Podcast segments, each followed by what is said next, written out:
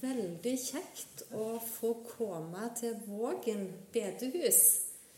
Eh, jeg heter da Marianne Brattgjerd. Eh, jeg er opprinnelig fra Jæren, fra Vigrestad. Men så har jeg bodd i Trøndelag, i Namsos faktisk, de siste 13 åra. Og så er jeg gift med Andreas Brattgjerd, og vi har tre unger. Isak på 18, Ella på 14 og Møyfri på, Ella på 16 og Møyfri på 14. Går litt i surr for meg her. Og Ella hun har faktisk starta nå første året på Lundeneset, så nå er jeg så heldig å få bo i den gamle rektorhuset i lag med sju jenter. Så jeg føler meg som skikkelig elev, så det er morsomt. Eh, litt om hvem jeg er. Jeg er utdanna sykepleier, og så har jeg en mastergrad i helsevitenskap. Og så har jeg en doktorgrad i profesjonspraksis. Og så har jeg jobba de siste tolv åra som forsker og lærer ved Nord universitet i Trøndelag, da. Eh, og faktisk nå fra 1. oktober, det var i går, var det ikke det? Ja. Så har jeg gått inn i en deltidsstilling. For jeg har fått permisjon fra deler av stillingen min ved universitetet. Så nå har jeg gått inn i en 50% deltidsstilling ved Kristent ressurssenter.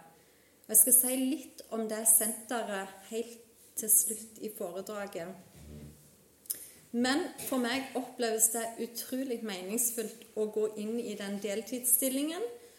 Og det har sammenheng med at jeg fikk et helt konkret kall av Gud for fire år siden i forhold til at jeg skulle engasjere meg i denne her kjønnsdebatten. Og at jeg skulle bruke min stemme både i akademia, men også i, i samfunnet, da.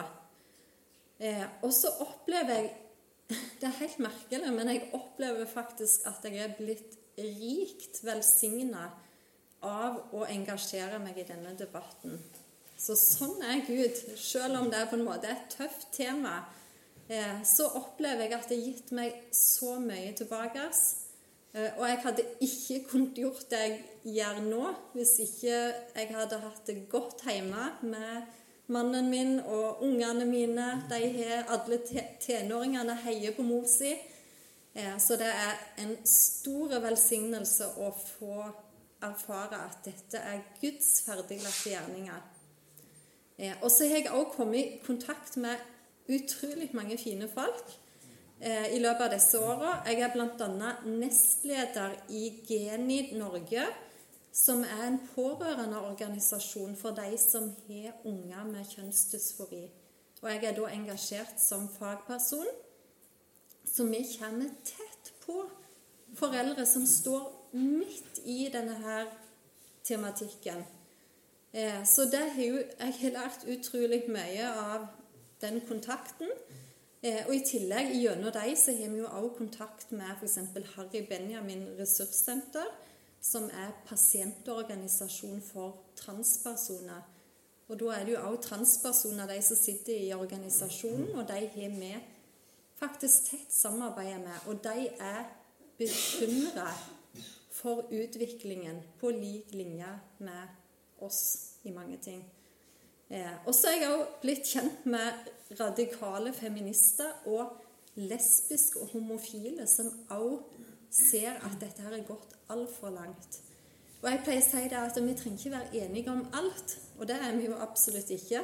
Men det å bygge allianser har jeg veldig tro på. At vi, vi, kan være enige om dette med kjønn og på en måte fronte dette sammen. For da står vi sterkere. Eh, ja.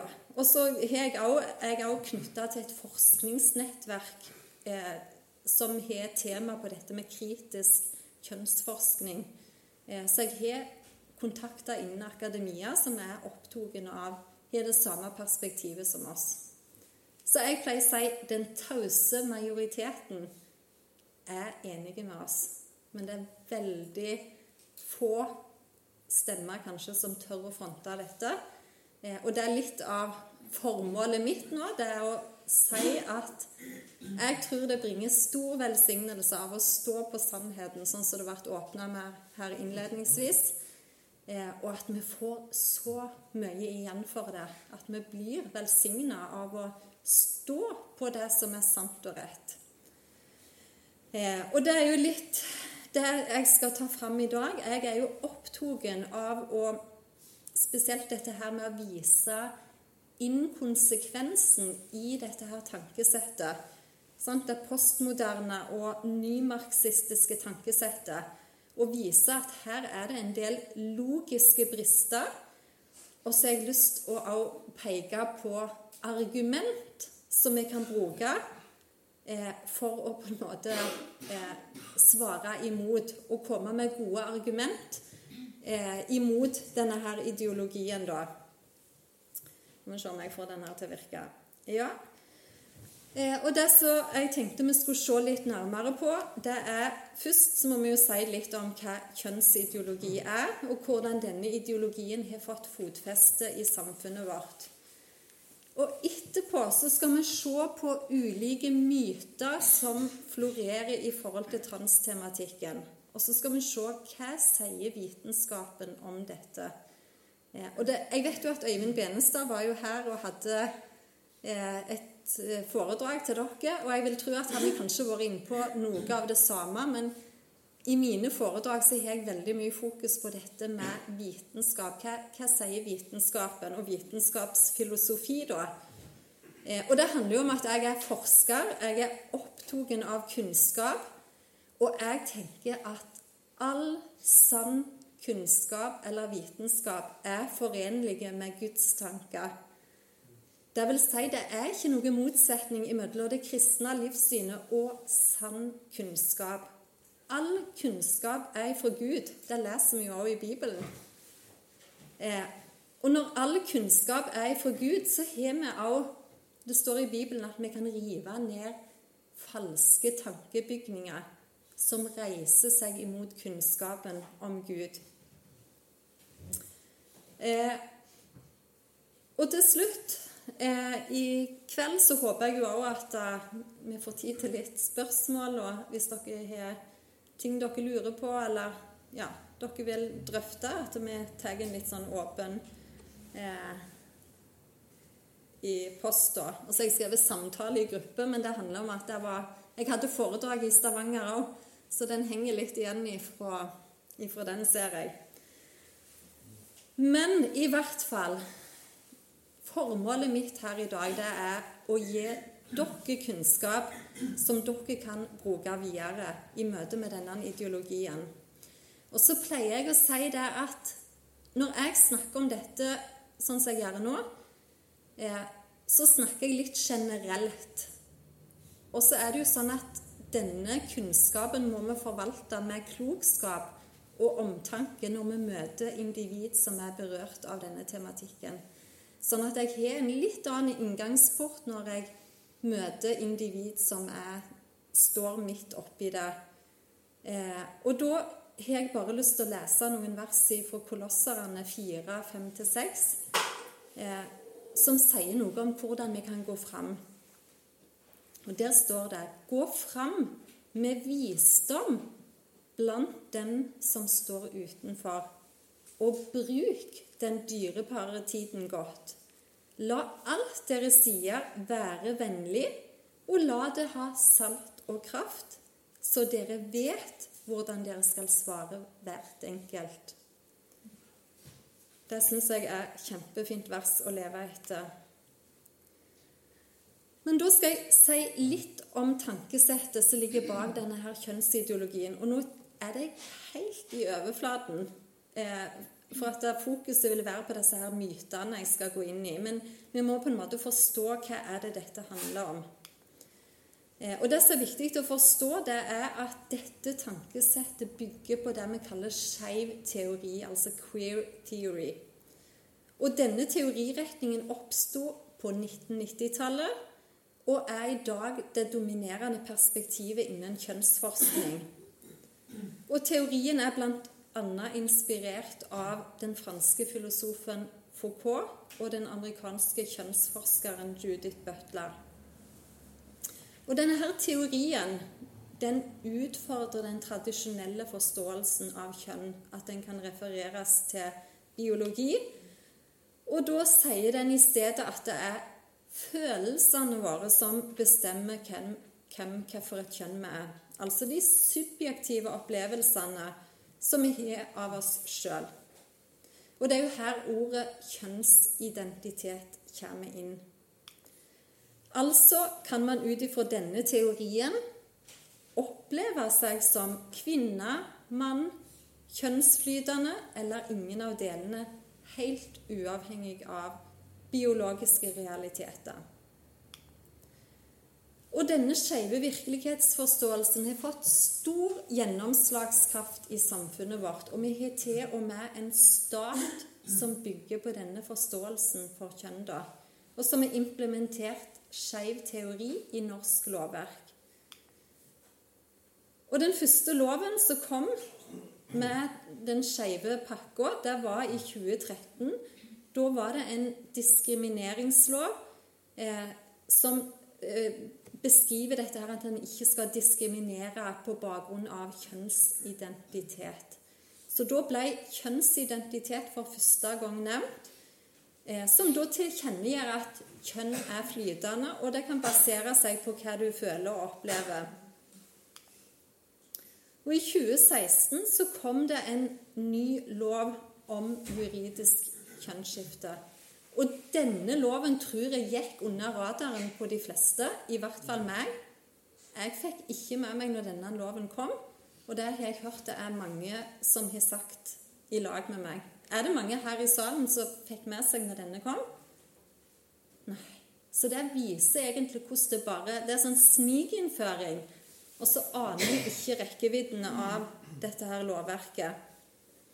Men denne loven er den mest radikale lovgivningen i hele verden. For Norge er faktisk det eneste landet hvor det ikke kreves noen medisinsk eller psykologisk vurdering for å endre kjønn, juridisk kjønn. da. Ett tastetrykk er nok, og det er faktisk lettere å skifte juridisk kjønn enn å skifte etternavn. Og unger helt ned til seksårsalderen kan i dag skifte juridisk kjønn hvis de har en forelder som samtykker. Så foreldrene trenger ikke være enige engang. Så i praksis så har vi faktisk et lovverk som sier at det er fullt mulig at kvinner har penis, og at menn kan føde barn.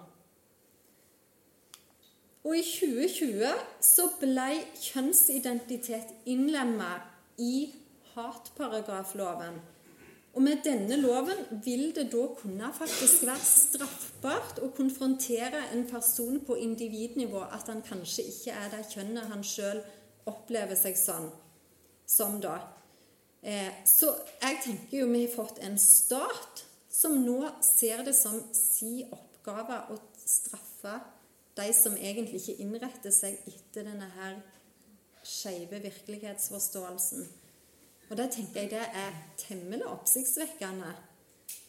Eh, men så kan jeg si det at denne hatparagrafloven den går på individet. Så det jeg gjør nå, det er fullt lov. Vi har lov til å kritisere tankesettet på et overordna nivå, men det er klart Går du til en person og kanskje kommer i klunsj med han, og han oppfatter det som diskriminering og hat, for det er jo det denne loven bygger på. Den bygger på subjektive opplevelser. Så er det jo lett at det kan oppfattes som hatprat. Så det sier litt om hvor eh, radikal denne lovgivningen er. Og I tillegg er det òg to andre lovverk som dere helt sikkert kjenner til. Det ene er forbud mot konverteringsterapi. og Der var det faktisk høring nå nå på fredag som var, før helga.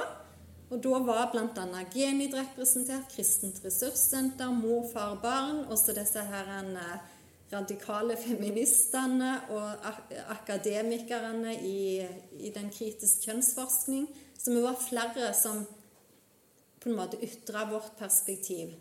Så det er en del motstand, men spørsmålet er hører Hører de folkevalgte på det, eller bare stenger de helt av? Eh, og så er det òg innføring av den tredje juridiske kjønnskategorien. og Det har de prøvd på mange ganger på å få inn, og så får de nei, og så tar de prøve igjen. Så det er sånn utpining eh, for at en til slutt skal få inn dette her lovverket. Og det handler om at ikke-binære skal oppleve anerkjennelse.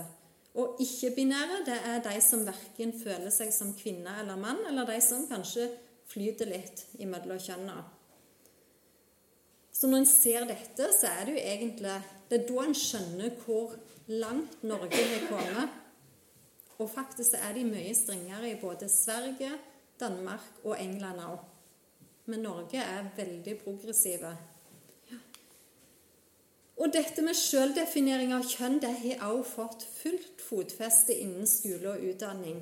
Og Jeg skal ikke si så mye om akkurat dette, men det som er viktig å være klar over, det er fra 2020 så ble også denne her skeive teorien innlemma i læreplanverket. Og Kristent ressurssenter har gjort en formidabel jobb med å avdekke hva er det som finnes i skolebøkene i forhold til denne skeive teorien.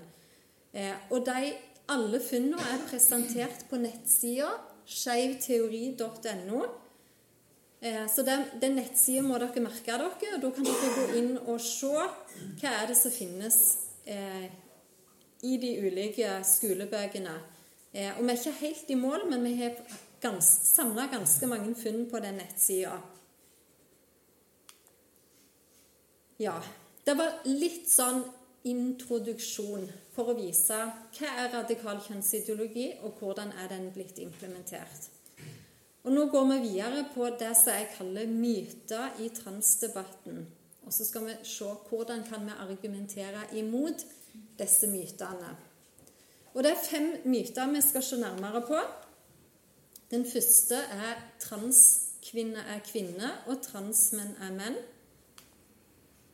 Myte to Økningen av transpersoner skyldes et mer åpent og inkluderende samfunn, og de som er ekte trans, endelig, tør endelig komme ut av skapet. Myte tre transpersoner har dårlig psykisk helse pga. samfunnet sine negative og fordømmende holdninger. Myte fire kjønnsbekreftende behandling er effektiv og virksom.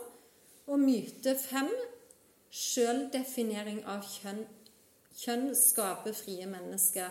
Og Jeg kommer til å bruke mest tid på den første og siste myten, for det er de tyngste til å egentlig argumentere imot. Så det kommer jeg til å bruke mest tid på. Og Da kan vi jo starte med myte nummer én, som er påstanden om at transkvinner er kvinner og transmenn er menn. Og dette er den underliggende antakelsen, eller egentlig premisset, som hele denne kjønnsideologien hviler på. Og det er derfor viktig at vi bruker litt tid på å på en måte se nærmere på hva er det denne her sier.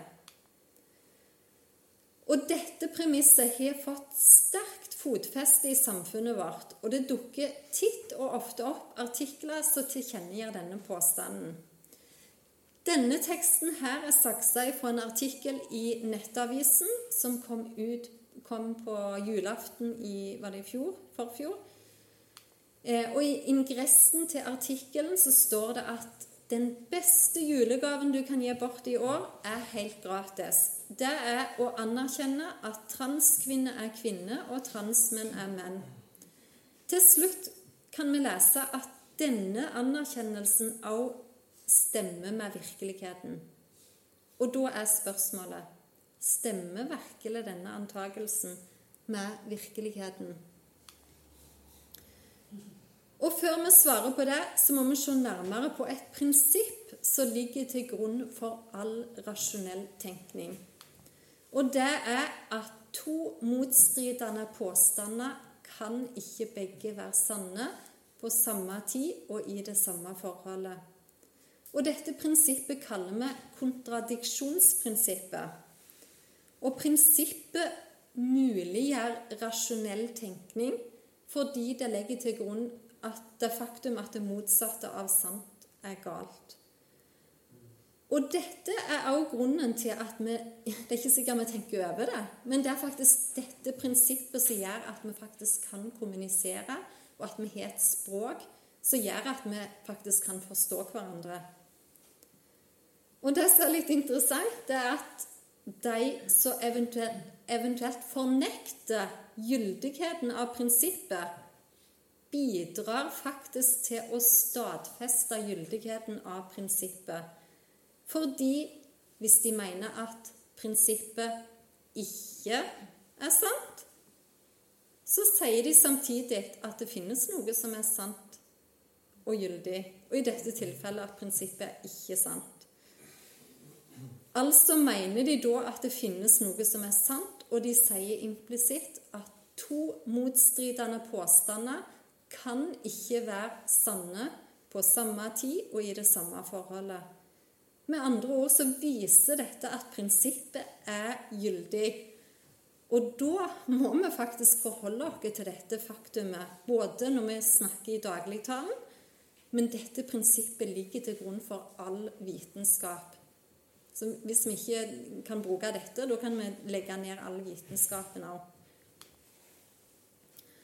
Så la oss da se litt skal vi se, nærmere på påstanden om at transkvinner er kvinner. Vi kan starte med å bryte opp setningen, og så ser vi på hva enkeltordet betyr. Og Hvis dere ser her med ordet 'trans', så refererer det til en person som ikke identifiserer seg med sitt biologiske kjønn. Og hva skjer hvis en legger 'kvinne' bakom 'trans', altså transkvinne? Ja, da må det bety at vi snakker om en biologisk mann som identifiserer seg som ei kvinne. Altså er det snakk om en person som har en spesifikk opplevelse eller erfaring av seg sjøl. Og til det kan vi gjerne si ja, sjølve erfaringen er jo reell. For det finnes helt klart mennesker med kjønnsinkongruens. Det vil si, det finnes mennesker som opplever en reell uoverensstemmelse mellom opplevd kjønn og det biologiske kjønnet. Og der en òg kan ha et ubehag knytta til dette, og det kaller vi kjønnsdysfori.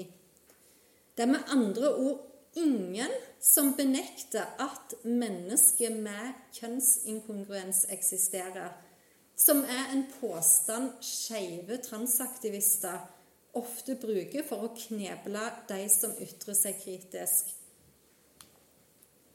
Men det som er viktig å være klar over, det er at det har skjedd noe med denne ideologien. Og bare de siste åra, siste fem åra, så har det skjedd noe. Og det er jo der disse her pasientorganisasjonene som jeg snakket om, her i Benjamin ressurssenter, de sier at de er heller ikke enig i denne her utviklingen så godt. For det som har skjedd, det er at de sier det er ikke bare erfaringen som er reell, men erfaringen er en direkte avspeiling av virkeligheten. Ser dere den? Forskjell der. Og det de faktisk sier nå, det er at transkvinner ikke bare opplever at de er kvinner. De er faktisk kvinner.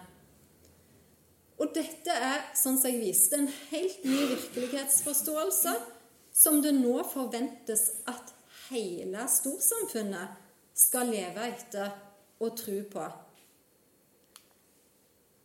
Og Det som er viktig å skjønne, det er at denne påstanden forplanter seg. For det gjør at språket Det blir en totalforvirring av språket. Og det gjør at vi i dag plutselig sitter med to definisjoner på hva det vil si å være eh, kvinne. Og det handler jo om at når en godtar eh, motstridende ideer, så vil det få konsekvenser. Og Tradisjonelt har jo ordet 'kvinne', sånn som dere vet, det er referert til biologi, til det å være et voksent ukjønn. Eh, og den andre definisjonen som vi nå, nå har fått, det er at det å være ei kvinne er å føle seg som ei kvinne. Jeg vet ikke, dere kvinner i salen her, hvordan er det å føle seg som ei kvinne? Det vet mest ikke jeg heller. Hvis en skal gjøre det en sånn allmenn, universell betydning. Og det som er interessant da med denne definisjonen, det er at ingen kan faktisk forklare hvordan det er å føle som en kvinne. Og det som skjer da, det er at de sier om det er kun den som besitter erfaringen av å føle seg som en kvinne, som vet hva det vil si å være en kvinne. Så dette blir en form for evig sirkelargumentasjon. Så egentlig har vi like mange definisjoner på hva det vil si å være kvinne, på de som opplever seg som å være ei kvinne. Så ut ifra denne definisjonen finnes det derfor ingen felles standard på hva det vil si å være ei kvinne. Og i og med at vi òg Nå har vi fått denne nye definisjonen. Denne er vedtatt i norsk lov. Sant? Det er jo det som lovverket vårt bygger på, og det skal inn i skolen nå. Eh, og da følger jo den logiske slutningen ut ifra det premisset, da, det er jo egentlig at transkvinner skal ha de samme rettighetene som biologiske kvinner i kraft av at de føler seg som kvinner. Og det er akkurat det vi, vi ser det i hele den vestlige verden, der f.eks. biologiske menn krever å få tilgang på kvinneidrett, garderobe, fengsel osv. i kraft av at de føler seg som kvinner. Og Denne artikkelen her er henta fra en debatt i Stavanger Aftenblad som pågikk i 2017. Jeg vet ikke, Er det noen som husker denne? Kanskje ikke så mange. Men det er iallfall Sandra ble født gutt, men er ei såkalt juridisk kvinne. Sandra har penis i behold, og i artikkelen så står det at han ønsker å dusje i kvinnegarderoben etter trening. Og så var det en debatt i Stavanger Aftenblad hvor skal Sandra dusje. Og Karoline Skarstein, som sjøl er transperson, og som i dag er lederen i Foreningen FRI i Stavanger, følger opp artikkelen med å svare at Sandra må få dusje der hun sjøl ønsker å dusje. Om hun føler seg komfortabel i dusjen sammen med de andre jentene, skal hun altså få lov til å bruke kvinnegarderoben. Så her er det tydelig at det er den radikale kjønnsideologien som har forrang for biologien. Skarstein har ingen omtanke for de andre kvinnene i garderoben, og det har heller ikke Sandra. Et annet eksempel er fra California, hvor det har vært flere hundre menn som over kort tid fikk en følelse av at de egentlig var kvinner, og hvor de faktisk fikk lov til å sone i kvinnefengsel. Og De to neste bildene som jeg skal vise, trenger egentlig ingen beskrivelse. De taler for seg sjøl.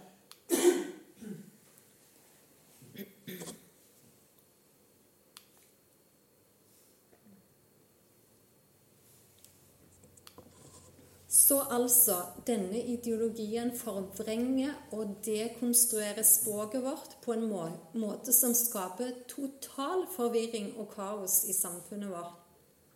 Og jeg tenker jeg blir forvirra av dette her. Og hva tror du ikke ungene blir? Og jeg tenker i den forbindelse at det viktigste vi kan gjøre, det er å avsløre inkonsekvensen i dette tankesettet gjennom å bruke egentlig logiske og rasjonelle argument. Og Hvis dere husker tilbake til det jeg sa om kontradiksjonsprinsippet, så kan ikke to motstridende påstander være sanne på samme tid og i det samme forholdet. Og det vi har sett nå, det er at dette tankesettet bygger på en motsigelse eller kontradiksjon. F.eks. har vi nå to definisjoner på hva det vil si å være transkvinne. Hvis dere legger merke til, så er den første definisjonen den omtaler transkvinner som biologiske menn som identifiserer seg som kvinner. Og i denne definisjonen ligger det en biologisk virkelighetsforståelse av kjønn til grunn for hvordan vi omtaler det å være transkvinne. Men den andre definisjonen omtaler transkvinner som om de faktisk i realiteten er kvinner. Og i denne definisjonen så vi jo òg at de har endra definisjonen på hva det vil si å være kvinne. Og begge disse definisjonene kan som sagt ikke være sanne på samme tid og i det samme forholdet. Så da må en av de vekk. Og da er spørsmålet hvem? Eh, og for å finne ut hvem av de som må vekk, så må vi en tur innom språkfilosofien. Og ordet transkvinne det refererer til et begrep eller en bestemt kategori. Og da må vi også kunne noe om hva et begrep er. Og det vil jeg jo tro det er en del lærere som kan. Men kort fortalt så henspeiler et begrep til en allmenngyldig forestilling av fellestrekker ved en ting. Eller sagt på en annen måte et begrep har alltid en definisjon som oppsummerer fellestrekkene ved tingen. Og Hvis jeg sier ordet katt, så vil jeg tro dere alle får Dere skaper dere et mentalt bilde av hva en katt er. Jo, det er f.eks. et pelsdyr med fire føtter som liker å jakte på mus om natta, og som ofte maler høyt når den er tilfreds. Eh, og Uten en slik forståelse av hva et begrep refererer til, så vil ikke språket vårt gi mening. Det vil si, vi kan faktisk ikke føre en fornuftig samtale hvis vi ikke vet hva er det faktisk det universelle bak begrepet. Og Med dette kan vi altså konkludere med at ordet transkvinne må referere til noen allmenngyldige fellestrekk for å kunne gi mening. Og det betyr faktisk at vi må forkaste definisjonen 'transkvinne er kvinne', fordi definisjonen gir absolutt ingen mening når vi ikke har den felles forståelsen hva ordet betyr. For som jeg viste, bygger definisjonen på en evig sirkelargumentasjon, og der ingen kan forklare hva det egentlig betyr å være transkvinne eller kvinne. Så altså, det å være trans handler om en person som ikke identifiserer seg med sitt biologiske kjønn. Det betyr at transkvinner er biologiske menn, sånn som jeg har vist nå, og motsatt at transkvinner er biologiske, transmenn er biologiske kvinner.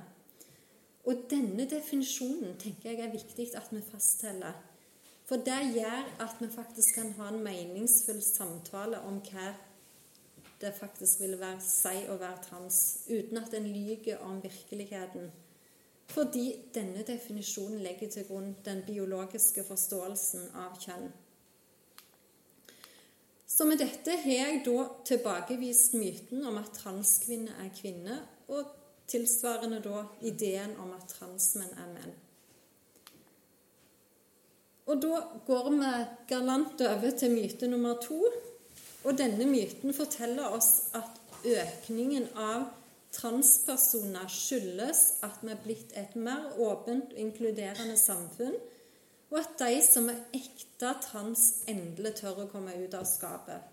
Og den påstanden hørte jeg faktisk sist i går i familieselskap. Da var det ei som er gift med onkelen min, som påsto at ja, men dette her er jo bare vi er blitt mer tolerante og aksepterer mer, og at før så var de inne i skapet, men nå kommer det jo fram alle disse her som er trans, da.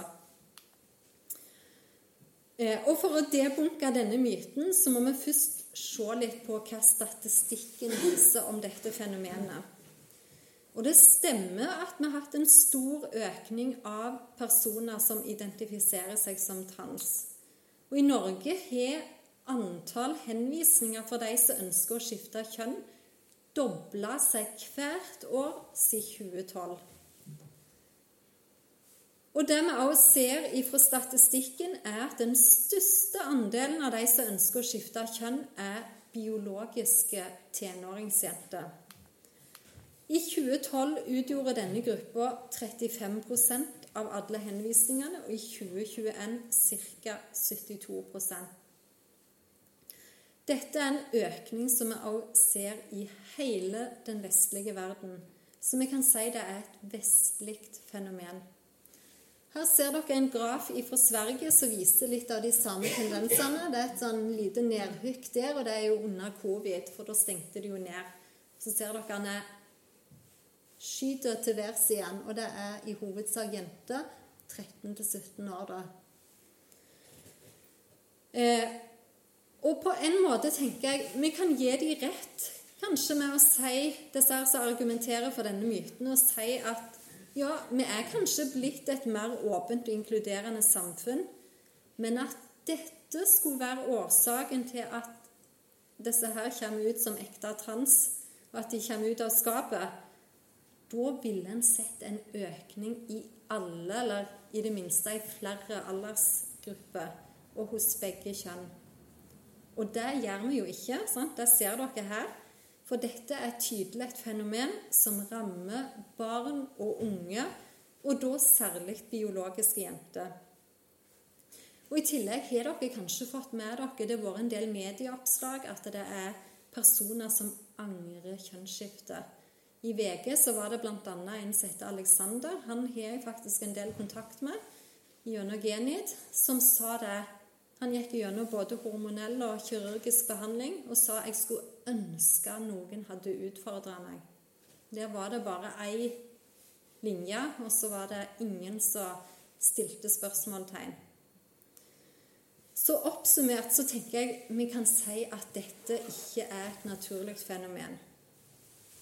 Men hva vet vi egentlig om årsaken til denne økningen? Og faktisk så vet en ikke hva det kommer av. Og når jeg sier at vi ikke vet hva det kommer av, så betyr det at vi mangler vitenskapelig evidens som kan forklare hvorfor så mange unge, unge ønsker å skifte kjønn. da. Men jeg tenker selv om vi mangler vitenskapelig evidens, så er det likevel mye som peker i retning av at dette er et såkalt sosialt smittefenomen. Og det handler om at det er et vitenskapelig faktum at vi mennesker er, vi er lettpåvirkelige vesener. Og der ideer smitter mellom mennesker. Det er noe som ligger i vår natur. Og Vi vet også at den sosiale smitten er spesielt utbredt blant barn og unge og vi har god evidens for at dette med selvskading, selvmord og spiseforstyrrelse er smittsomme fenomen hos unge. Det er derfor heller ikke helt utenkelig at økningen av trans kan være relatert til sosial smitte. F.eks. kan det dette med et stort fokus på selvdefinering av kjønn, at de lærer dette i skolen, sosiale medier osv., kan gjøre at spesielt de som har den der sårbarhetsfaktoren og er usikre på sin egen identitet, kan få tanker om at de er født i feil kropp. Og I tillegg så spres jo disse ideene i sosiale medier og nettverk som barna er med i. Og Grunnen da til at barn er mer lettpåvirkelige enn voksne, det har jo sammenheng med at hjernen ikke er fullstendig utvikla og det er faktisk først etter at frontallappen er ferdig utvikla, som egentlig er i starten av 20-åra, at vi er mindre påvirkelige. Så oppsummert så viser dette at den store økningen av transpersoner ikke skyldes et naturlig fenomen, og at det er mye som peker i retning av at vi står foran et smittefenomen blant unge så vi har dermed sett at det er veldig lite hold i denne påstanden om at det er eh, et naturlig fenomen, og at de som er ekte trans, tør å komme ut av skapet da. Ja, da var vi egentlig over på myte nummer tre. Og der skal vi se på en ny antakelse, og det er at transpersoner har dårlig psykisk helse pga. samfunnet sine negative og fordømmende holdninger og Det kalles også minoritetsstressteorien. Og For å kunne svare ut denne påstanden så må vi se på hva er det vi vet om psykiske lidelser og kjønnsdysfori. Ja, vi vet at majoriteten, altså to tredeler av de som henvises til behandling, har også psykiske tilleggsplager, som autisme, depresjon, angst, ADHD, selvskading og hallusinasjoner. Og Det er en erfaring vi har også i Genit. Alle ungene har hatt store sosiale og psykiske utfordringer før de kommer ut som trans da i tenåra. Det betyr at vi vet at det er en sammenheng mellom psykiske lidelser og kjønnsdysfori. Men det som er viktig å være klar over, det er at vi mangler robuste studier som sier noe. Hva er det som kommer først og sist? Det blir derfor veldig rart, tenker jeg, å konkludere med at de psykiske lidelsene er et resultat av samfunnet sine fordømmende holdninger, når en faktisk ikke vet hva er det som forårsaker hva. Ser dere den? Og så skal jeg si litt i forhold til selvmord, for det jeg går egentlig litt på det samme her òg. For her ofte er jo påstanden med at disse her tar jo livet sitt hvis de ikke blir på en måte bekrefta, og hvis de ikke blir anerkjent. Men òg her mangler vi faktisk kunnskap om sammenhenger. Og det vi vet, det er at ja, selvmordsrisikoen er høyere hos transpersoner enn i den generelle befolkninga. Men så er det viktig å merke seg det neste punktet. Og det er at denne risikoen, altså selvmordsrisikoen til transpersoner, den er faktisk på samme nivå som selvmordsrisikoen med vanlige psykiske lidelser, som så depresjon, bipolar lidelse autisme. Altså kan det jo like så godt tenkes at den økte selvmordsfaren er pga. de psykiske lidelsene, og ikke pga. samfunnet sine negative og fordømmende holdninger. Følger dere meg i tankerekken her? Ja? Når det er sagt For jeg tenker som forsker òg, så er jo jeg litt opptatt av at en ikke skal ta sikre konklusjoner. Så kan vi jo ikke være sikre andre veien heller og si at det ikke eksisterer fordømmende holdninger som gjør at transpersoner har dårlig psykisk helse. Og Det finnes en del levekårsundersøkelser i Norge som har undersøkt hvordan transpersoner sjøl opplever sin egen helse, altså sjølrapportert helse. De får et spørreskjema, så skal de skrive liksom nummer på hva, hvordan opplever de egen helse. Og da, i disse undersøkelsene, så kommer det fram at de sjøl opplever diskriminering, utestenging, trakassering. Og hvis faktisk det er tilfellet, så kan jo det bidra i hvert fall til å forverre den psykiske helsa.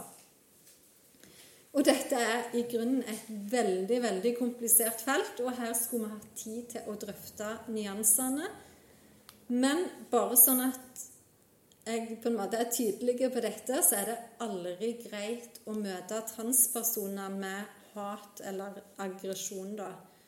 Og jeg tenker iallfall vi som er kristne, vi er kalt til å elske alle mennesker sjøl om vi er uenige i deres syn på verden og virkeligheten. Her er det med andre ord viktig at vi tenker å skille imellom menneskeverd og ideer man, man har om livet og virkeligheten. Og jeg tenker Transpersoner har jo det samme iboende menneskeverdet som alle andre, og skal også behandle deretter. Og jeg tenker det er jo vi som sitter med nøkkelen til egentlig å vise dem og bli satt i frihet og kan vise gjennom kjærligheten eh, at de virkelig har en egenverdi. Men det betyr ikke at vi skal gå på bekostning av sannheten. For vi har lov til å si oss uenig i deres forståelse av kjønn. Og det har jeg snakket med sånn som disse transpersonene jeg kjenner. De vet hvor jeg står. Eh, og jeg sier at sant, En anerkjenner jo at det finnes kjønnsdysfori, men det at en plutselig skal hele storsamfunnet leve etter en minoritetsforståelse av kjønn, det er jo helt, helt absurd. Så vi har lov å si at vi er uenige. Men det som er utfordringen da, det er jo hvordan oppleves dette for den det gjelder, da. For det er klart at hvis vi sier vi er uenige, så kan jo den personen oppleve dette som diskriminering. Skjønner dere det? Hat. Så her tenker jeg jo at her må vi jo gå fram i klokskap og omtanke. Og jeg er ikke sånn så når jeg møter en transperson for første gang, så sier ikke jeg med en gang ja, jeg er uenig i din måte å forstå kjønn på. Men du bygger en relasjon, og når du bygger en relasjon, så tåler du av motstand etter hvert. Sånn? Så jeg tenker det er viktig at vi møter dem med kjærlighet, visdom og klokskap. Og at vi, eller at vi går fram i visdom og klokskap, og at vi bygger relasjoner. Og så kjøper vi den laglige tida. Og at vi, alt vi sier, er vennlig, men krydra med salt. Eh, sånn som jeg sa i starten. Eh, og så tenker jeg Hvis det er sånn at vi faktisk går fram i sannhet og opplever at vi blir misforstått, og opplever at vi blir satt i bås som transfobisk, hatefull osv., så, videre, så tenker jeg ja, kanskje er dette nettopp vår tids forfølgelse. Og at det handler om å ta opp vårt kors. For da har vi gått fram i sannhet, vi har gått fram i kjærlighet. Og så tenker jeg det handler om å stå på sannheten, sånn som det ble nevnt innledningsvis her. Og at da må vi faktisk tåle å bli kanskje til og med hata og misforstått. Så bare Jeg skal avrunde den myte nummer tre her. Så dette med at transpersoner har dårlig psykisk helse pga. samfunnet sine fordømmende holdninger, så kan vi iallfall konkludere at vi mangler evidens for dette. Ser dere det? Jeg har ikke debunka det, men jeg sier her mangler vi kunnskap. Og her må vi undersøke nærmere hva er det som faktisk forårsaker hva her. Og da har vi kommet til myte nummer fire, som forteller oss at dette med kjønnsbekreftende behandling er effektiv og virksom i en positiv forstand. Og Det kalles også for den bekreftende modellen så er det tre ord dere må merke dere her. Jeg vet ikke om dere har hørt de før, men det første ordet er sosial transisjon. Det betyr at en bytter navn, pronomen, og at en lever som det motsatte kjønnet. En lever som det kjønnet en opplever seg som. Og Det innebærer ikke noe medisinsk eller kirurgisk intervensjon. Og Derfor blir dette hevda at det er en på en måte nøytral og ufarlig handling. Det er det myten sier.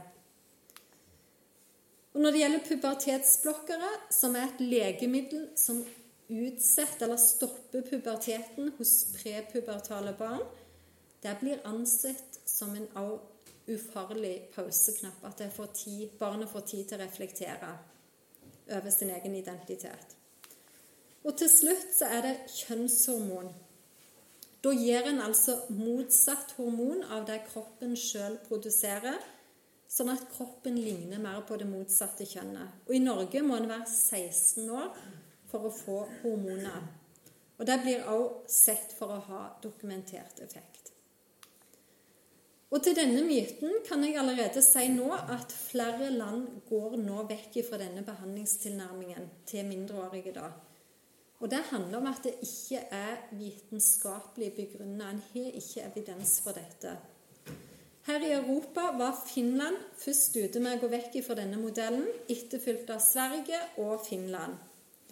Og også her i Norge er det så vidt begynt å røre seg litt eh, i overflaten. Og bl.a. kom det en rapport fra Ukom som setter søkelys på denne modellen og sier egentlig det samme som disse her landene sier. Men Norge er veldig progressivt, og vi har Helsedirektoratet. De er, det er enormt akt, mange aktivister som er høyt oppe i systemet der. Eh, og jeg er litt spent på hvordan Norge, om vi kommer til å fylle her, eller om vi på en måte kjører vårt løp. Det skal bli spennende å se. Men vi er flere som er på. Eh, og vi har sittet i flere møter med Helsedirektoratet, og det jobbes nå i forhold til eventuelt revidering av de retningslinjene som en har. Yes. Da husker dere det første ordet jeg sa. Det var sosial transisjon. Sant? At en skifter navn og pronomen. Og hva viser vitenskapen om denne behandlingsformen? Og det den eh, kunnskapen forteller oss, det er at dette tiltaket er assosiert med vedvarende kjønnsinkongruens. Det betyr sånn helt konkret at hvis barnet skifter navn og pronomen, så vil det bidra til å låse barnet fast i kjønnsinkongruensen sånn at det blir vanskeligere for barnet å gå tilbake til sitt biologiske kjønn. Eh, og det sier jo litt om at dette ikke er en eh, nøytral eller ufarlig handling. At det er en psykososial intervensjon som egentlig bidrar til å føre ungene inn på en vei med behandling som kan gjøre stor skade på de unge sine kropper. Så jeg hadde hatt store problemer med å tiltale en unge eh, som det motsatte kjønn eller brukt et annet pronomen når jeg vet dette. Så har det òg vist seg at pubertetsblokker ikke er så ufarlig som en tidligere trodd. Tvert imot er det risiko for alvorlige bivirkninger, slik som beinskjørhet, depresjon, vektøkning og redusert lengdevekst. Og en mangler også kunnskapene om langtidseffektene av behandlinga. Og det som en frykter mest Dere kan jo bare tenke dere hva er det som skjer i kroppen når vi går gjennom puberteten? Det er mange viktige psykologiske momenter. Sant? Du er jo med å utvikle deg som, og modne som menneske. Og hva skjer hvis du stopper puberteten? Den frykter, er at en stopper den psykologiske modningen, og at en faktisk ikke får utvikle seg til den personen en egentlig var tiltenkt at en skulle bli da. Så det å vise at dette er langt ifra en ufarlig pauseknapp, slik det ofte blir hevda. Og så er det disse her kjønnskontrære hormon, altså at en gir motsatt kjønn. Og det er kjent som en irreversibel behandling. Det betyr at behandlingen medfører varige endringer som ikke kan angres. F.eks. jenter vil få varig mørk stemme. De kommer jo i stemmeskifte, og de vil få skjeggvekst. Gutter får vekst av brystet, mer kroppsfett og også nedsatt testikkelstørrelse. Og det som kanskje er mest alvorligst her, det er at denne behandlingen fører i de fleste tilfellene til sterilitet. Hvis du har hatt pubertetsblokkere først, så fører det alltid til sterilitet. Og da kan en jo tenke seg I Norge er det satt 25 års aldersgrense for å sterilisere seg. Og det handler om at det er et så alvorlig, alvorlig og inngripende valg at det må du ta når du er voksen, når hjernen er moden. Og så gir vi 16-åringer hormoner og gjør de sterile for resten av livet. Det er alvorlig. I tillegg er det kjente bivirkninger. Farlig forhøya blodtrykk, kreft, leverskade, blodpropp og hjerteinfarkt. Bare tenk når du begynner på disse hormonene, så må du stå dem på livet ut. For da, hvis du skal opprettholde på en måte de motsatte kjønnskarakteristikker, så må du stå på hormonbehandling resten av livet. Og tenk å få hormoner tilført et helt liv. Det er klart det kan gi alvorlige bivirkninger. Og jeg tenker når vi ser dette, er dere ikke enige i at da er det ganske opplagt at denne behandlingen ikke bør gis til mindreårige. Barn er per definisjon umodne mennesker og er ikke i stand til å forstå konsekvensene av slike valg. Og jeg tenker det er faktisk en form for omsorgssvikt å overlate et sånt valg til unger. Så her tenker jeg vi har en vei å gå i Norge i forhold til å stoppe behandlingen av mindreårige Så oppsummert så kan vi da si at denne ideen om kjønnsbekreftende behandling er effektiv og virksom, er feil. Det er ren og skjær løgn og er ikke basert på faglig forsvarlig og evidensbasert kunnskap. Og da Jeg vet ikke hvor mye tid jeg har brukt nå. Jeg snakker som regel mer enn deg, men det går greit? Ja. Det går greit? Dere henger med? Ja. Da har vi kommet til den femte og siste myten. Og denne myten tar for seg også en av de overordna ideene som den radikale kjønnsideologien hviler på. Og det er at sjøldefinering av kjønn skaper frie mennesker. Og I dette ligger det egentlig det, det kjente slagordet til foreningen FRI. Ingen er fri før alle er fri. Så la oss da undersøke om denne antakelsen eller påstanden virkelig stemmer. Og Da skal dere faktisk få se to korte videosnutter. Eh, og I den første videosnutten får dere møte Marius, som ble født jente, men som alltid har følt seg annerledes enn de andre.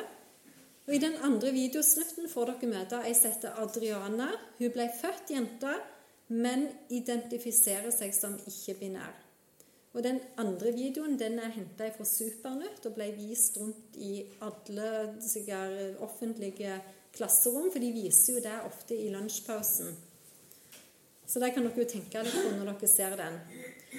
Men det som jeg har lyst til at dere skal tenke litt på når dere ser disse her to snuttene, det er hva sier de om sin egen kjønnsidentitet? Helt siden jeg var liten, følte at det var noe som ikke var riktig. Sånn som jeg var Når alle andre ville leke med Barbie og Bretts, så gikk jeg og lekte med pinner og dinosaurer. og Det var alle disse krigsleker. Mens alle andre ville spørre hvorfor jeg er være med og leke med gutter med det var Marius, og så er det Adriane. Noen føler seg som jente, noen føler seg som gutt. Men andre føler at de ikke passer helt inn i noen av disse kategoriene. Nå skal vi møte Adriana, som er ikke-binær. Noen mener at det er liksom opp til 72 kjønn. Fordi armen din kan liksom være gutt, mens den andre armen din er jente. Og så resten av deg er ingen av delene. Mens noen mener liksom at det er to kjønn, mann og kvinne. Men jeg føler at det er tre kvinne, mann og kvinne. Eh, jeg heter Adriana, og jeg er tolv år. Og hva er det ikke-binær? Er at man ikke føler seg som gutt eller jente. Eller at man føler seg som både gutt og jente. Eller at man liksom bytter ut sånn på Du føler deg mer som deg og at liksom ikke føler at det er en annen. Det er alltid sånn Føler meg litt ikke sånn helt som jente akkurat da. Så når jeg var liten, liksom, så ville jeg egentlig helst kunne velge å være med guttene eller være med jentene. Etter hvert som jeg ble eldre, så begynte jeg å tenke litt mer på det. Så fant jeg da på en måte ut at det ikke noe er. Og det kribler litt. For jeg var sånn Det her er jo meg, da. Og så ble jeg ja, så ble jeg litt glad, egentlig. Da skal dere få lov å tenke litt på dette spørsmålet. Hva er det som egentlig bestemmer kjønnet til Marius og Adriana? Og Da tenker jeg faktisk ikke på følelser, men det er noe annet som bestemmer eller definerer kjønnet. Er det noen som forsto hva det er, eller ser hva det er? Hæ? Hva de liker å gjøre. Ja. Og hva kaller vi det? Er det noen som vet? Hæ? Interesse. Interesse, ja. Og det er de sosiale normene. Sant? Så det er faktisk samfunnet sine sosiale normer som i stor grad definerer hvilket kjønn du er. Vil si en måler eller vurderer sin egen følelse eller opplevelse opp imot samfunnet sitt kjønnsrollemønster. Og så er det jo sånn at Liker du rosa og jentelege, så er du jente. Liker du blått og guttelege, så er du gutt. Eller kanskje du liker sånn som Adriana. Hun likte jo begge deler. Hun likte jo å med både gutter og jenter. Så da kan det jo hende du er ikke-binær. Og dette viser hvor enkelt barn tenker. Men så forteller det oss en kjempeviktig ting her. Og det er at opplevelsen en har av seg sjøl, opererer ikke i et vakuum. For de sier at det er opp til deg sjøl å føle deg. Du, du kan definere deg sjøl sånn som du vil, som kvinne eller mann, men den opererer ikke i et vakuum. Den må ha en standard for å kunne definere et begrep. Skjønner dere det? Sånn at når den biologiske standarden er fjerna, da erstattes det med en ny. Bare det er ingen som vil si det høyt. Og i dette tilfellet så er det faktisk kjønnsrollemønsteret som bestemmer hvilket kjønn du er. Og dette viser oss en annen viktig ting, og det er at den radikale kjønnsideologien bidrar faktisk til opprettholde og reprodusere svært trange kjønnsnormer. Noe som de faktisk har kritisert oss kristne for. Eh, og jeg tenker at denne ideologien den skaper faktisk et mindre mangfold innenfor kjønnskategoriene som de opererer med. Så jeg tenker jo at den skeive teorien og disse her i Foreningen FRI og alt, de liker å framstå som de er progressive, tolerante og frie, men hvor de i realiteten gjør at dette mangfoldet snevres inn og der samfunnet faktisk blir mer regressivt og konservativt når det gjelder kjønnsrollemønster eller kjønnsstereotypier. Og det er jo et stort, stort paradoks når det er nettopp det motsatte de ønsker. Og Det som også er interessant, er at denne ideen her da strir også imot kunnskapen vi har innenfor den psykologiske disiplinen. For forskning viser nemlig at det finnes et mangfold av personlighetstrekk innenfor begge kjønnskategoriene, og hvor mannlige og kvinnelige personlighetstrekk overlapper hverandre med 30 eh, Og det, kan, det er mest sånn jeg må flire litt, for jeg tenker dette, dette her er jo egentlig litt opplagt kunnskap, er det ikke det? Men jeg tenker at det er faktisk helt nødvendig at vi påpeker det åpenbare i ei tid med stor forvirring. Og denne figuren her eh, den er henta fra en artikkel som jeg publiserte i Forskersonen i 2020. Eh, og bare hvis dere ser på den pila her, så har denne mannen mer kvinnelige trekk enn de fleste menn.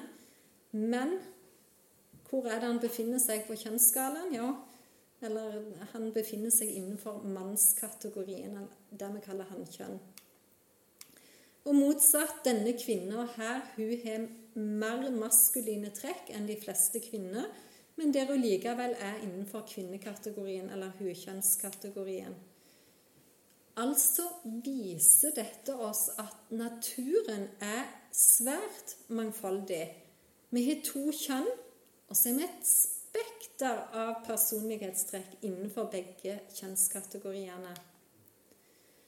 Og dette viser faktisk at de biologiske kjønnskategoriene de er faktisk mye rausere i forhold til mangfold enn det våre subjektive opplevelser er. Og jeg vil påstå det at biologisk kjønn diskriminerer ingen. Vi har to kjønn, hannkjønn og hukjønn som tilsvarer mann og kvinne, gutt og jente. Og disse kategoriene baserer seg på en objektiv og materiell virkelighet som ikke forandrer seg selv om følelsene våre endrer seg. Og så kan en spørre ja, hva er det som egentlig definerer kjønnet, hvis en går ut ifra en biologisk forståelse av kjønn? Og det mange faktisk tror, og det har jeg faktisk opplevd når jeg går rundt det foredraget òg, det er jo at disse her kromosomene og kromosomparene, eller kanskje kjønnsorganer, som definerer kjønnet vårt. Men det er faktisk ikke riktig. For det som definerer kjønnet vårt, det er størrelsen og funksjoner til kjønnscellene. Eh, og det alle hukjønn har til felles, er at vi lager store og lite bevegelige kjønnsceller, eggceller, da. Og det hannkjønn har til felles, det er at en lager små, bevegelige kjønnsceller. Sædceller, da. Eh, og, det så, eh, og det jeg ofte blir møtt, og det er jo Ja, men hvem er dette her han er intersex? Har dere hørt det? Sånn? Intersex, det blir ofte sagt Ja, men vi har jo noe er sånn mellomkjønn, har vi ikke det?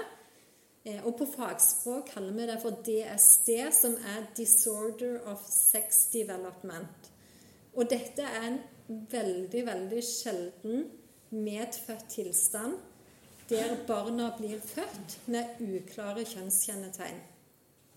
Altså det er vanskelig å se om de er jenter eller gutter. Og i Norge tror jeg det blir født rundt 10-12 unger hvert år med slike tilstander. Eh, og det mange aktivister sier, det er jo at ja, men dette er jo et godt bevis på at det finnes et tredje kjønn, eller at kjønn skulle være et spekter da. Men det er helt feil. For også de som er født med DSD eller intersex, har et reproduktivt system som er organisert i forhold til enten produsere store kjønnsceller eller små kjønnsceller. Det betyr at det ligger et potensial der som de kan finne ut av, men som av ulike grunner ikke blir aktualisert. Så oppsummert så kan vi egentlig med fullstendig sikkerhet si at vi har to kjønn, og at intersex ikke representerer et nytt kjønn, da, eller at kjønn skulle være et spekter. Og det som er genialt med disse biologiske kjønnskategoriene, de, det er litt det jeg sa, at de er likegyldige til våre opplevelser og følelser. Og det er faktisk frigjørende, for vi kan få lov å være akkurat den vi vil være. Vi kan få lov å kle oss med de klærne vi vil sjøl. Vi kan få lov å leke med de lekene vi har lyst til, uten at kjønnskategoriene diskriminerer eller skaper noen form for utenforskap. Og Hvis jeg skal bare oppsummere den, det siste jeg har sagt nå her, og det er egentlig bare herlig, men det er naturen diskriminerer ingen. Den er mye mer mangfoldig og inkluderende enn våre subjektive tanker. Og jeg tenker dette samsvarer jo helt med det bibelske perspektivet. Til mann og kvinne skapte ham dem. Og så står det at Gud var fornøyd med skaperverket og alt det han hadde skapt. Så jeg tenker når Gud er fornøyd, så har jo vi òg all grunn til å være fornøyde. Så da har vi òg debunka den siste myten. Eh, og jeg har litteraturen her. Og så tenker jeg hvis det er noen som har lyst på powerpointen etterpå, så kan dere komme opp til meg, og så finner jeg sikkert et ark eller et eller annet og skriver opp e-postadresse. Så kan jeg sende dere den hvis dere har lyst til det. Eh, men jeg fikk lov å si litt om Kristent ressurssenter. Har jeg tid til det? Jeg aner Klokka er ti på ni. Ja, OK. Jeg, Men, eh, men jeg tenker at de som, trenger å gå, de går. ja, men jeg jeg vil gjerne høre. Ja, men folk må føle seg fri, Ja. selvfølgelig. Det er bare noen få minutter, så jeg kommer ikke til å si ja, mm. Jeg brukte litt mer tid. Jeg snakker Jeg prøver å begrense meg, men når jeg har undervisning, så har jo jeg undervisning i tre til fem timer. Så jeg syns det er kjempevanskelig å ha 45 minutter. Det er utfordrende. Men i hvert fall, jeg har lyst til å si noe om Kristent ressurssenter. Og jeg vet ikke, Er det mange som har hørt om det? Opp med ei hånd. Yes. Det var jo faktisk ganske bra. Kanskje var det Benestad som var det, han sa noe om det? Ja, ok. Ja. Men i hvert fall Kristent ressurssenter vi er egentlig en ganske ny aktør i samfunnsdebatten. Og vi ønsker å belyse politikk, lovverk og egentlig statlig praksis som påvirker kulturen vår, og som tilsidesetter kristen tro, etikk og verdier. Og Vårt hovedmål er da å styrke de kristne verdiene i samfunnet vårt. Og vi har et særlig fokus på å styrke en kristen virkelighetsforståelse om familie, barn, kjønn og seksualitet. Så vi, det er ikke bare dette med kjønn, men vi har egentlig et veldig sprekt, bredt spekter da, av tematikker vi går inn i. Foreløpig er vi fem personer som er tilknyttet dette senteret. Dere kjenner jo helt sikkert han politikeren oppe i Hammerfest. Truls Olufsen Mehus. Eh, og så er det han i midten. Han heter Peter Risholm. Eh, og så er det Tone Lise Gustavsen. Og så er det Kjell Skartveit. Og så er det meg, da. Eh, og dere finner mer opplysninger om hva er det egentlig vi brenner for, og hva er det dere kan på en måte ja, hvis dere ønsker foredrag eller eh, besøk av oss, så kan dere gå inn og se på nettsida. Men jeg må si noe om Fria. Og så må jeg si noe om Preid, for det henger litt sammen med det vi jobber med i forhold til kjønn. Eh, og dere kjenner jo helt sikkert til Foreningen FRI, og det er jo de som har klart og fått definisjonsmakta på både kjønn og seksualitet i samfunnet vårt. Og de har en helt klar politisk agenda. Og de har 3000 medlemmer. Det er ikke en stor organisasjon, men de har vært ekstremt flinke til å påvirke samfunnet på alle nivå. Og så vet dere jo hva preid hva det er.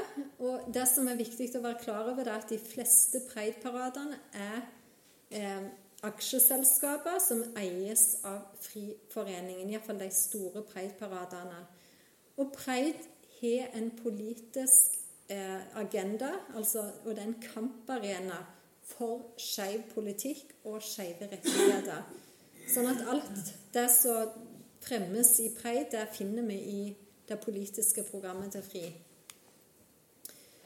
Og så er det viktig at Foreningen FRI de har på en måte definisjonsmakt, og de har fått vært med å påvirke hele vår forståelse av kjønn og seksualitet. Og så finnes det òg en del andre organisasjoner som er liksom kanskje ikke så godt kjent, men som faktisk har det samme agendaen som Foreningen FRI. Det er bl.a. Sex og samfunn. De får 25 millioner kroner årlig. Sex og politikk de får 10 millioner kroner statlige penger årlig. Og så er det jo Skeiv Ungdom, som er ungdomsorganisasjonen til FRI. De har faktisk ti årsverk ansett, og de har helt sånn målretta grupper. Det er eh, ungdommer, da, at de går inn i skolen og kurser ungdommene våre. Og så er det jo Foreningen FRI. De får faktisk 25 millioner kroner årlig av staten. Og det finnes I Norge så er det sju chatter som bygger på denne skeive teorien, og det er telefontjenester. Og i tillegg til disse så er det også et titalls interesseorganisasjoner. Sånn at her er det mange aktører eh, som fremmer det samme. Og hvis en skal gjøre en sånn kalkulert antakelse, så har de altså får de statlige penger i 100-millionersklassen. Så dette sier noe om hvor flinke de har vært. Og jeg tenker at da må vi bruke samme taktikk som dem. For jeg tenker at det kan vi òg klare, men da må vi organisere oss. Eh, og vi må Vi er helt avhengige, sånn som Kristent ressurssenter. Vi får ingen statlige midler. Der får jo ikke mor, far, barn. Sant? Der får jo ikke han Alexis Lund og Tro og Medie. eller, ja, De òg baserer seg bare på frivillig arbeid. Så jeg tenker vi er helt avhengig av støtte ifra dere, støtte ifra organisasjoner, foreninger og lag, til å eh, drive på med det som vi driver på med. Eh, sånn at da jeg har fått eh, vite at eh, vi skal ta opp en kollekt. Eh, og da er det Betaler dere inn til Vågen bedehus, og så betaler de ut det beløpet som vi får da. Mm, sånn at jeg, da oppfordrer jeg egentlig bare i kveld til å Det dere gjør, det vil jo være med å bygge samfunnet vårt. og og at vi kan reversere denne utviklingen som vi ser nå. Så jeg bare sier tusen takk til alle som gjør.